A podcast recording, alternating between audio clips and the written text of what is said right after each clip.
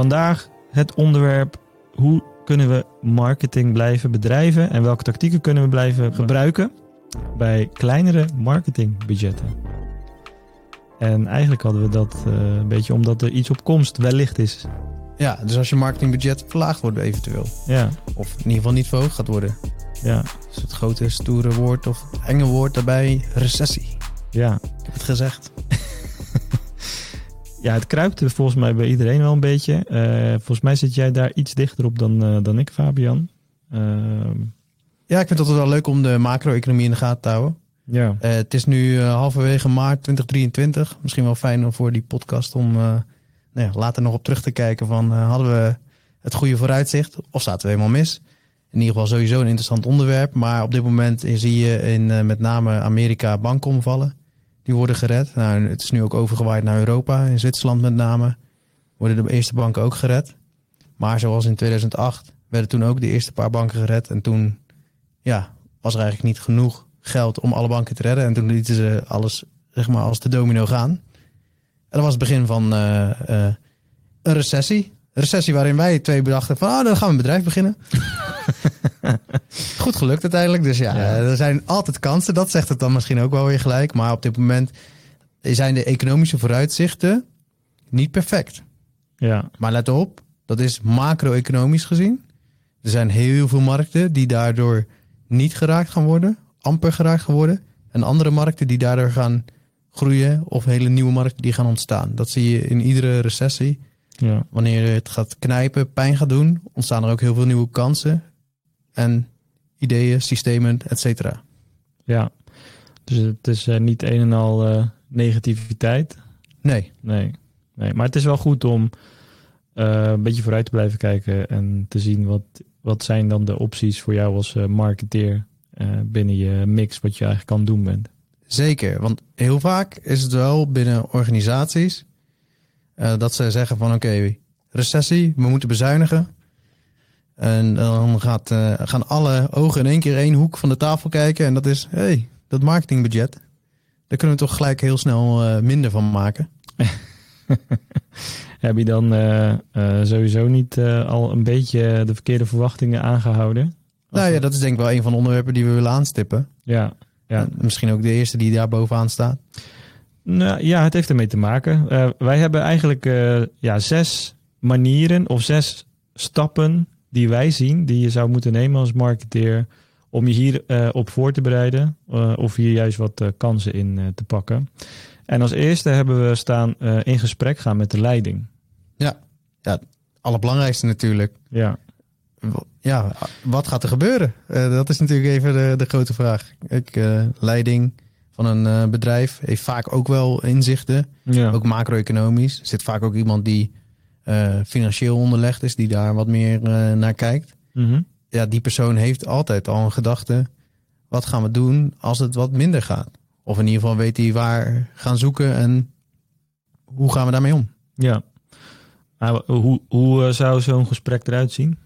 Nou, ik denk dat het, stel je voor je bent marketingmanager of verantwoordelijk voor de marketing of communicatie of in die richting, om gewoon nu een gesprek aan te gaan vragen. Van hey, ik zie dat er misschien een macro-economische kanteling ontstaat die wellicht ons gaat raken, mag ik eens een keertje een half uurtje daarover in gesprek met jullie? Want ik denk dat dat twee dingen laat zien. Allereerst dat je de wereld in de gaten houdt, wat altijd al fijn overkomt. En als je dat niet deed en nu door deze podcast getriggerd bent, graag gedaan. maar twee, het laat ook zien dat je niet bang bent om proactief vooruit te kijken. Ja. En uh, ik denk dat dat heel erg gewaardeerd wordt door, uh, door de, ja, mensen aan de leiding van een uh, organisatie. Ja. Ik denk dat het dan belangrijk is om te vragen hoe de leiding dat ziet. En welk, ja. aan welke scenario's we moeten gaan denken.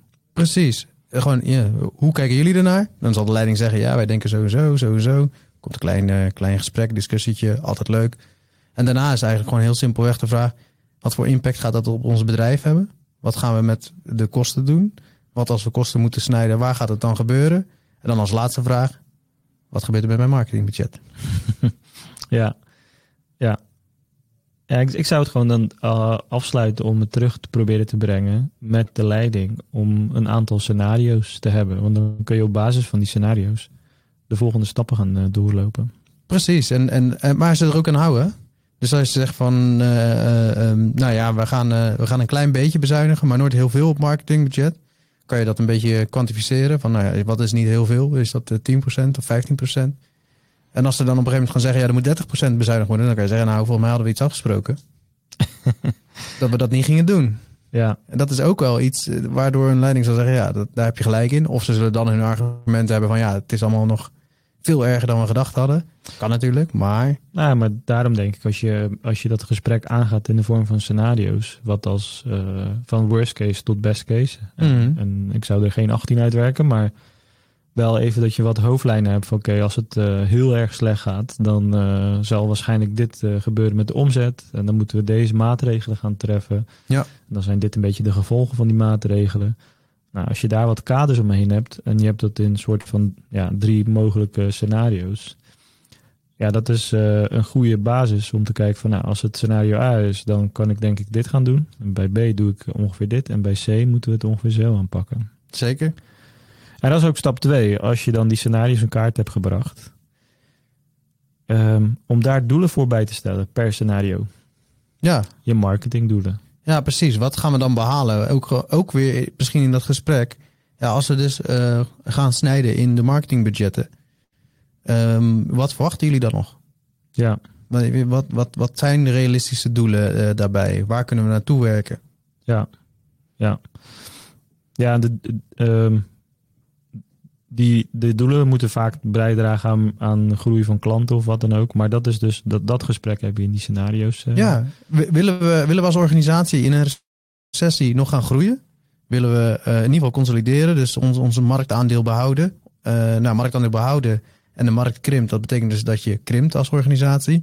Willen we onze huidige omzet of iets in die richting behouden terwijl de markt krimpt, betekent eigenlijk een groei ten opzichte van de rest. En wil je een groei, dan krijg je dus een groei in een krimpende markt. Ja, dan, als, als dat de vraag is, nee, er komt een recessie aan, maar die gaan wij grijpen om eh, de concurrentie eh, eh, ja, een beetje bij het spel te zetten. Maar we gaan wel eh, 20% van het marketingbudget afhalen. Dat is misschien gelijk even nou ja, het rode vlaggetje zoals die bekend is. Van, Ja. ja, ik denk dat dit niet heel realistisch is. Ja, ja. Ja, de, eh, en bij de doelen moet je denk ik niet alleen kijken naar je marketingdoelen, maar ook naar de doelen die de leiding eigenlijk heeft rondom Zeker. omzet en winst, et cetera. Ja, en daar zit ook bij heel veel doelen waren de afgelopen jaren van nou, de klanten komen wel. Ja, Eh, mensen hebben we nodig, vooral heel veel mensen, goede mensen. En daar ging steeds meer marketingbudget naartoe gaan. Dus een soort HR-marketing die samen zijn gegaan en een grotere budget hebben gekregen. Ja, moet er dan daar weer ingesneden worden en wordt dat teruggeschoven naar de klantkant? Ja, Of wat gaat er gebeuren? Het zijn allemaal goede, belangrijke zaken om eh, van tevoren ook alweer te bespreken en duidelijk te hebben. ja. Nou, en als je, als je dan die doelen eh, hebt bijgesteld, dan is het eh, de volgende stap die we hier hebben staan, is dat je je data op orde gaat krijgen. Als je die niet op orde hebt nog. Wa- Waarvan wij in ieder geval zien, de meeste organisaties hebben die data niet op orde. Nee, ja, marketingdata is echt alles. Ehm, en bij data denkt iedereen eh, exacte wetenschap. Maar je kan wel, eh, dat hoeft niet. Je kan bijvoorbeeld wel daaromheen wat, ja, laten we zeggen, wat KPI's die misschien wat zachter zijn ook meenemen. Want heel veel mensen denken, ja, data, data, dat is alleen maar als ik online een advertentie op social hier of eh, Google daar. Dat ik dan precies zie, wat heb ik erin gestopt, hoeveel kliks komen eruit en hoeveel hebben daar weer van geconverteerd. Want je doet ook heel veel marketing daaromheen. Dus denk aan advertorials op eh, bepaalde plekken, eh, maar misschien zelfs je grote banner langs de weg. Ook daar kan je goed naar kijken van, oké, wat doet dat met mijn data? Eh, en dat is bijvoorbeeld, nou, ga je die grote banner langs de weg inzetten? Ga gewoon eens even kijken wat dat met andere KPI's doet. Websiteverkeer, ehm, mentions op eh, eh, social media, eh, dat soort zaken. Ja, als je daar al een, een verschil in ziet, dan kan je dat ook weer zoveel mogelijk meetbaar maken. En waarom is dat meetbaar maken dan zo belangrijk? Ik denk dat dat eh, een enorme overtuigingskracht is naar bijvoorbeeld eh, eh, management, directieniveau, om te zeggen van ja, we gaan niet stoppen met eh, ons marketingbudget of het verkleinen of wat dan ook. Want ik kan hier laten zien wat het oplevert. En als je dat nu niet kan laten zien, dan gaan ze zeggen ja, maar waarom, zou ik dat, waarom zouden we niet snijden? En dan zit je eigenlijk van, omdat het wat oplevert. Ja, wat levert het op? En dan zeg je, ik heb het gevoel dat, en dan dat is het moment dat ze zeggen, dag budget. Kom maar terug als het gevoel weg. als dat, gevoel als dat gevoel omgetoverd is in cijfers, mag je terugkomen. Maar daar ben je dan te laat voor, want dan ga je dan pas optuigen en alles daaromheen. Dus ja, nu is het moment om echt heel goed en heel sterk te gaan uh, inventariseren in, in, in wat doe ik allemaal en hoe kan ik dat in cijfers uit gaan drukken. Ja, ja en wat, wat levert het dus op? Dus de data moet gewoon vertellen wat levert welke uh, campagne of actie ons op. Ja, precies. En dat hoeft niet altijd in sales of wat dan ook te zijn. Geef gewoon heel goed aan. Dit draagt enorm bij aan onze merkbekendheid. Dat heb ik zo een beetje gemeten. En ook dat hoeft niet perfect te zijn. Kan je een paar eh, simpele cijfers voor nemen. Bijvoorbeeld je branded search volume in, in Google. Dus hoe meer mensen er op jouw bedrijfsnaam gaan zoeken. Uh, aantal volgers dat je hebt op social. Ja. Je, je, je, nieuwsbrief lezers. Dat soort dingen zijn allemaal cijfers die je daar ook bij kan gebruiken. Je hoeft niet naar alleen maar geld te kijken. Ja, nou, nou, als, als, je, als je die KPI's hebt, zoals dat zo mooi heet, ehm, dan kun je denk ik ook het omdraaien door te zeggen, nou, als het marketingbudget omlaag gaat, dan heeft, verwacht ik deze gevolgen op KPI's binnen dit termijn. Precies. Je gaat een situatie schetsen. En uh, beste leiderschap, uh, zijn jullie daarmee uh, ja, content, even zo gezegd? Ja, ja, ja. zeker, zeker. Ja, dat, ja, dat, ja. oorzaak-gevolg gewoon heel goed schetsen daar worden mensen in uh, nou ja, management directiestoelen worden daar heel gelukkig van. Ja, dat, uh, dat kan misschien voor sommige marketeers ook heel, eng aanvoelen. Maar uh, uh, 9 van de 10 keer, zeker op zo'n directieniveau, is dat, zorgt dat juist voor een veel prettigere setting. Precies, want ze vragen jou een indicatie waar, waar, die maar 70 of 80 procent goed hoeft te zijn. Want als je er niks geeft, dan zegt hij, oh het gaat sowieso niet werken. Ja, nou ja, meer, ik, begrijp niet waarom ik dit geld moet uitgeven. Precies. Dus ja, dan dus, het ook niet. Nou ja, dus het gaat niet werken, is dan de simpele conclusie. Zeker. Um, nou, de, dus stap 1 was ga in gesprek. Stap 2 is stel je doelen bij. Stap 3 is uh, richt je data in, zodat je goed kunt zien wat er voor terugkomt. En dat niet pas doen als die recessie nu, nu doen. Als die recessie er nog net niet is, dan kan je namelijk je resources die je nu nog hebt vol inzetten om dat voor elkaar te krijgen. Ja, want dan kun je dat gesprek ook makkelijker aangaan. Ja. En dan komen we bij stap 4. En stap 4 is uh, goed naar je doelgroepen kijken en hun gedrag analyseren. En dan met name hun koopgedrag. Dit zit wel heel erg aan de saleskant natuurlijk.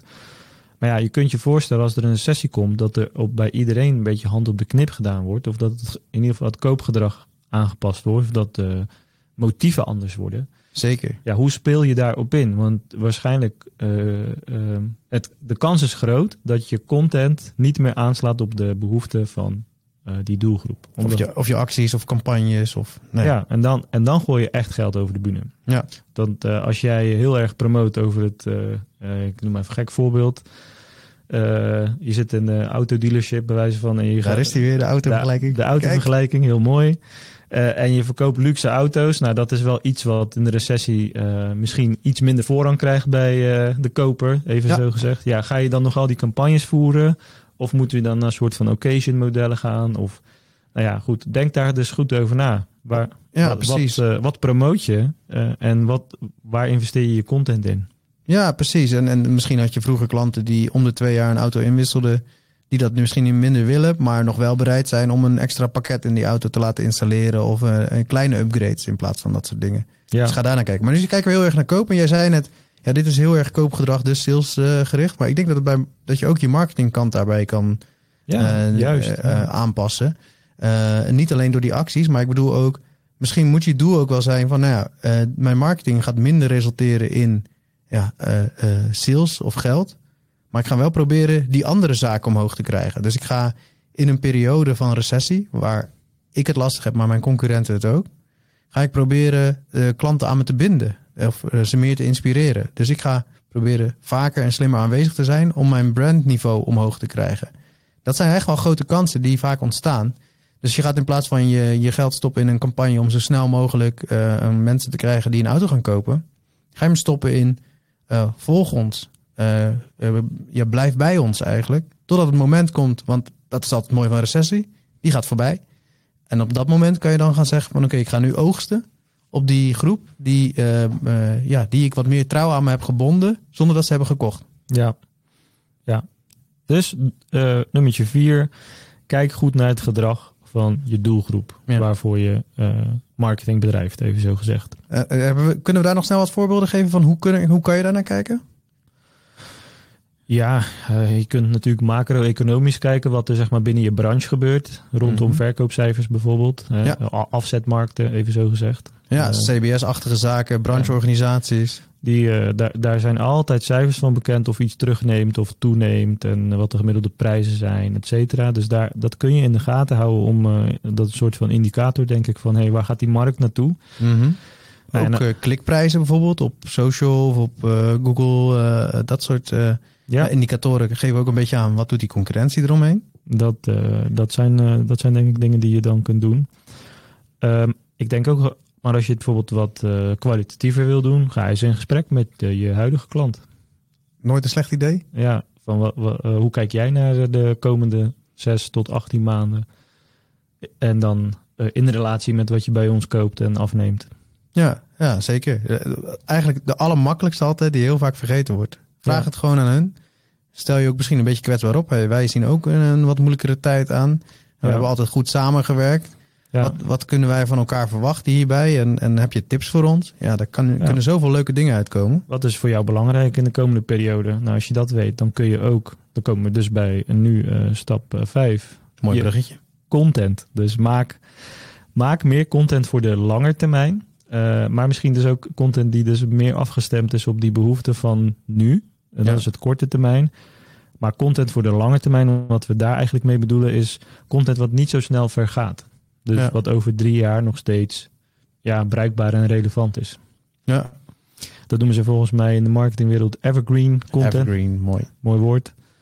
Eh, dus ga niet aan de haal met allerlei korte termijn acties en campagnes. Dat kan natuurlijk ook af en toe. Maar focus je vooral op dingen die nu goed zijn en over een jaar goed blijven. En over drie jaar nog steeds voor je bruikbaar zijn. Ja, zeker, zeker. Er zijn er altijd mooie eh, ja, plaatjes, grafiekjes van eh, hoe investeringen werken. En dan zie je vaak als jij eh, als merk nou ja, aan iets begint en je doet een korte termijn campagne, dat dat snel veel op kan leveren. Maar als je dat investeert juist in lange termijn, gaat dat in die eerste periode niet zoveel opleveren. Maar je krijgt een soort residu van die periode die, die dan. dus stel je voor dat je een periode is per maand. Je investeert in plaats van eh, 10.000 euro in eh, eh, campagne die direct wat oplevert, doe je 5000 in die direct wat oplevert en 5000 in die wat langer is. Dan zal je resultaat in die maand wat lager zijn. Maar na, na maand 3, 4, 5 gaat eh, opkomen, ja, dan gaat het elkaar opstapelen. Ja, En dan in één keer bij maand 9 of 10 ga je dus meer uit zo'n maand halen dan als je gewoon iedere maand die korte termijn acties zou doen. Ja het eh, mooie compounding effect. Hetzelfde als beleggen. Ja, Je gaat er maar pas profiteren op een later moment. Ja. Maar je investeert nu wel. En vaak zie je dat terug bij SEO. Hè? Dus eh, Zeker. eh, keywords, even zo gezegd, op de juiste keywords investeren. Nou, vrijwel iedere markt met SEO zit redelijk vol op dit moment. Mhm. Maar dat wil niet zeggen dat je er niks mee kan. En kan, dus de SEO die natuurlijk de ouderwets waar iedereen nu aan denkt, Google, zoekwoordjes. Maar die markt is ook stevig aan het veranderen natuurlijk. die markt is stevig aan het veranderen met alle AI-mogelijkheden die eraan komen. En andere platformen, andere type Ja. platformen. Eh, maar SEO is inderdaad bijvoorbeeld ook eh, YouTube en video's. Exact. Ehm, dus je kunt dat wel wat breder trekken als het, eh, het thema maar wat meer evergreen is. Ja. Dus ga niet mee in de trends van vandaag. Mag natuurlijk ook, maar hou een beetje 80-20 aan. 80% evergreen, 20% eh, iets meer actueel. Ehm, en evergreen is gewoon iets wat ten alle tijde blijft. Precies. Ja. Wel, ehm, en, en ik denk dat je, dat je dan wat langere termijn nodig hebt voordat je er echt iets voor terug gaat zien. Maar als je dat dan weer in je ROI bijvoorbeeld meeneemt, in eh, de kosten per bezoeker, Mhm. Eh, kost die bezoeker eh, in de eerste 6 tot 12 maanden best wel veel. Want het zijn relatief weinig bezoekers. Stel je zou een blog doen. Hè? Je investeert in een evergreen blogartikel. Ja. Eh, nou, in de eerste tot 6 tot 12 maanden heb je relatief weinig bezoekers. En dat artikel heeft bewijs van x bedrag gekost. Nou ja, dan kost het me dus zoveel per bezoeker. Maar als dat artikel na drie jaar nog steeds bruikbaar is. En de traffic is eh vervijfvoudigd dan heeft hij niet alleen een vervijfvoudigde traffic, maar ook nog eens drie jaar lang, iedere, iedere maand, een continue stroom aan bezoekers. Zeker, In plaats van een ad met één klik en daarna is die weg. precies. Dus organisch is gewoon zoveel krachtiger op de lange termijn. En dus juist in een recessie, Ja, eh, dat je daar heel veel in, in moet investeren. daar zou ik eh perso- dat is, eh, ik, ja, ik denk dat we daar hetzelfde in staan. Daar zou ik echt wel meer in investeren dan, eh, dan in ads, even zo gezegd. Ja, ja absoluut. Komen we bij het laatste puntje. En eh, dat is eh, goed kijken naar je volledige marketing spend. Ja, Dus wat geef je überhaupt uit aan wie en aan wat voor tools en ja en, dat soort zaken. Ja, hier komt vaak natuurlijk, er zijn wel, hebben we het wel eerder over gehad, eh, wat verschillende type marketeers. Veel zitten wat meer in de content of creatieve hoek en heel wat minder in de Excel-lijstjeshoek. en dit zijn wel de Excel-lijstjes waar je gewoon aan aan de slag moet. Wat Ja. geef ik nou uit? Wat levert het op? Waar ben ik bereid op in te leveren? En waar ben ik bereid om, om eh, eh, budget te verschuiven? Dus ja, ik doe nu heel veel met ads, omdat ik weet dat het op korte termijn heel veel oplevert. Maar ja, dat gaat daar misschien niet meer lukken. Dus ik moet dus naar die, naar die organische kant gaan, eh, gaan stoppen. Breng het gewoon helemaal in kaart. En kan me heel goed voorstellen dat heel veel mensen denken... ja, ik weet niet waar ik moet beginnen, hoe ik dat doe. Ja, trek gewoon iemand van finance erbij... of iemand anders die hier eh, verstand van heeft. Want als jij heel goed in kaart hebt van... hey, dit is het allemaal... ga je A, allereerst zien dingen die altijd al deed... die eigenlijk helemaal niet zoveel waard zijn. Dus je wordt er sowieso beter van in je marketing eh, spend of team... Maar B, ja, je, je gaat ook dingen ontdekken die juist in die recessie kunnen gaan helpen. Of waar je juist even harde keuzes kan gaan maken. Eh, en ik denk ook eh, eh, uiteindelijk dat het weer helpt bij het aller, aller, allereerste puntje. Het overtuigen van jouw organisatie. Van hey, de recessie komt eraan. Dit zijn de drie routes die, die misschien kunnen ontstaan. Hier heb ik mijn marketing spend. Ik denk dat dit gaat veranderen, want zo en zo. Dit gaat zo veranderen. Dit gaat zichzelf uiteindelijk wel pas over een jaar uitbetalen. Maar dan hebben we een enorme voorsprong op de concurrentie. Dan denkt ook weer de organisatie erachter. Oké, je hebt er echt over nagedacht. Ja, ik ga, eens, ik ga dat budget voor jou wat scherper eh, bewaken. Want jij kan ons misschien wel eens door die recessie heen trekken. In plaats van, hé, hey, je bent de kostenpost die eh, deze recessie eh, als allereerste een trap gaat krijgen. Ja. Dus dat waren onze zes stappen. Ehm, ja, niet per se in de, de volgorde zoals wij het noemen. Je kunt, je kunt daar je eigen draai aan geven. Ik zou in ieder geval wel beginnen als één in gesprek met de leiding. Precies. En dan nog één bonus dingetje. Wat als er nou toch echt bezuinigd moet worden? Zijn er, zijn er wat, eh, wat zijn dingen die... We hebben net wat dingetjes genoemd van... Oké, ga dat heel goed in kaart brengen. Maar zijn er nog specifieke dingen waarvan we zeggen van... Ja, dat is altijd eentje waar je echt heel goed kan kijken? Ja, dat is natuurlijk in je eigen team. Het is een super pijnlijke. Ja, Ja, maar, ook, maar dat hangt ook heel erg af van het gesprek met je leiding. Ja. Welke doelen je maakt. En eh, waar dat, die marketing spend, dat zijn ook salarissen. Dat moet je ook meenemen. precies. Ja, je hoeft elkaar salarissen niet te weten. Maar je weet gewoon, oké, in het team zit eh, een eh, TikTok content creator op dit moment. Maar we zien dat we daar eh, tijdens de recessie waarschijnlijk een andere keuze in gaan maken. Ja, dat is even pijnlijk. Maar dat is het wel het gesprek wat je moet durven voeren met elkaar. Zeker. Ja, Ja, ja, ja 100%. Eh, wordt vaak onderschat, maar als je het hebt over mensen, dan heb je het over tienduizenden euro's aan spend. Ja. En dan eh, eh, kan je zeggen, ja, we gaan proberen 1000 euro per maand eh adspend te besparen. ja. Ja, dat, dat, dat zet niet zoveel zoden aan de dijk in de besparingskant. Hè. We hebben het nu echt over de besparingskant. Als gewoon te zeggen van ja, we gaan het toch met één iemand minder proberen te doen. En we gaan die taken een beetje anders verdelen. Ja, dat, dat hangt denk ik ook sterk af van je cultuur en van je leiderschap, hoe ze daarin staan. Want ja, ik kan me ook voorstellen dat, eh, eh, dat je je team intact wil houden. Maar dan zou je dus eigenlijk als een soort van eh hecht team met elkaar moeten bepalen. Zijn wij met elkaar bereid even iets minder te vragen? Een stapje terug te doen, ja. Maar dan hoeft er niemand weg. Ja, nee, dat, dat zijn zeker. Ik heb ook dat wel in de vorige recessie heb ik ook wel bedrijven gesproken die dat zo hebben neergelegd. Van jongens, we kunnen twee dingen doen. Kunnen ontslagronde starten. Of we kunnen met z'n allen een klein beetje inleveren en twee keer zo hard even gaan lopen dan dat we vorige week deden. En dan eh, over een half jaar hebben we een enorme voorsprong en kan iedereen gewoon weer terug zijn op het oude niveau. En als je dat eh, als leider initieert, waarbij je het eerste zetje zelf ook inlevert, Zeker. dan eh, doe, je, doe je gelijk het juiste voorbeeld geven. Ja. Want ik denk dat het voor niemand echt een wenselijke situatie is om een teamlid te zien verdwijnen. Uh, ondanks dat het soort van moet. Maar als je met elkaar een beetje die pijn kunt dragen. Dan kan er heel veel schade beperkt worden. Ja, maar nogmaals, dit is gewoon meer een cultuurkwestie van hoe staat uh, de organisatie en dit soort dingen. Uh, en dat moet meer van de leiding komen. Maar het is wel een onderwerp wat je moeilijk kunt voorkomen als de recessie echt aanbreekt. Ja, zeker. En, en de allerlaatste die ik daar nog dat in mijn hoofd schiet is nu. Um, stel je voor, je hebt een, laten we zeggen, een budget van vijf ton. Uh, en het, gaat, het komt erop aan van ja, gaan we uh, 50.000 minder adspend doen of gaan we uh, iemand wegsnijden, om het even heel hard te zeggen. let dan op, als je kiest voor 50.000 minder adspend, wat is dan nog wel het resultaat van die persoon die dus ook nog eens er zit en minder budget krijgt om iets voor elkaar te krijgen? ja, die dingen gaan gepaard met elkaar. Precies, dus dat zijn wij hele belangrijke om in die keuzes te overwegen. Wees daar scherp in. Alright. Um, laten we hopen dat de recessie niet uh, zo hard uh, komt dat het dit allemaal nodig is. Maar um, dit zijn in ieder geval de stappen die wij zouden nemen. Uh, ja. als, als we het nog dichterbij zien komen. Precies. En over een jaar gaan we kijken of dit het slechtst gekozen onderwerp van het jaar is geweest. we zullen het zien. Yes. voor deze bedankt en tot de volgende. Hoi hoi.